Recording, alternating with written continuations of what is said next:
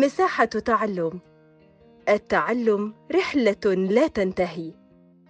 بسم الله الرحمن الرحيم. أهلا ومرحبا بكم في بودكاست مساحة تعلم التابعة لمنظمة كير الدولية. أنا رشا اسم الله معلمة اللغة العربية الصف الثاني ابتدائي وفق المنهج السوداني. طيب في وحدة هواياتي درس السابع في وحدة هوايات. طيب يا حلوين من منكم يمتلك حاسوب؟ نعم جميل. كل التلاميذ عندهم حاسوب أو آيباد أو تاب. ممتازين. درسنا اليوم بعنوان أنا والحاسوب. طيب عندنا الكلمات الجديدة كلمة الحاسوب. الحاسوب. انتبه هنا عندنا ال القمرية. الحاسوب. الصندوق. هنا عندنا ال الشمسية في كلمة الصندوق. اطمئن. شوق اهتم. المتعة. التعلم.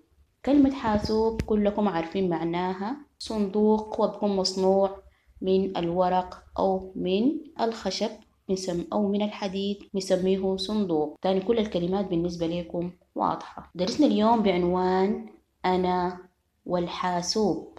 أنا حسام مثل كل الأطفال أحب أن ألعب وأتعلم.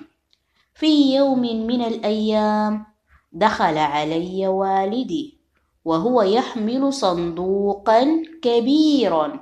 ترى ماذا في الصندوق؟ وهل هو لي؟ نظر إلي أبي وقال اطمئن يا حسام هو لك. افتح الصندوق بسرعة يا أبي. فأنا في شوق لرؤية ما فيه. يا الله ما هذا؟ حاسوب؟ شكرا لك يا أبي. وقبلت يديه. وقال أنا أعرف كم تحب الحاسوب. ومن حقك أن تلعب ولكن لا تنسى دراستك. فقلت أعدك يا أبي. أنا أهتم بدراستي أكثر.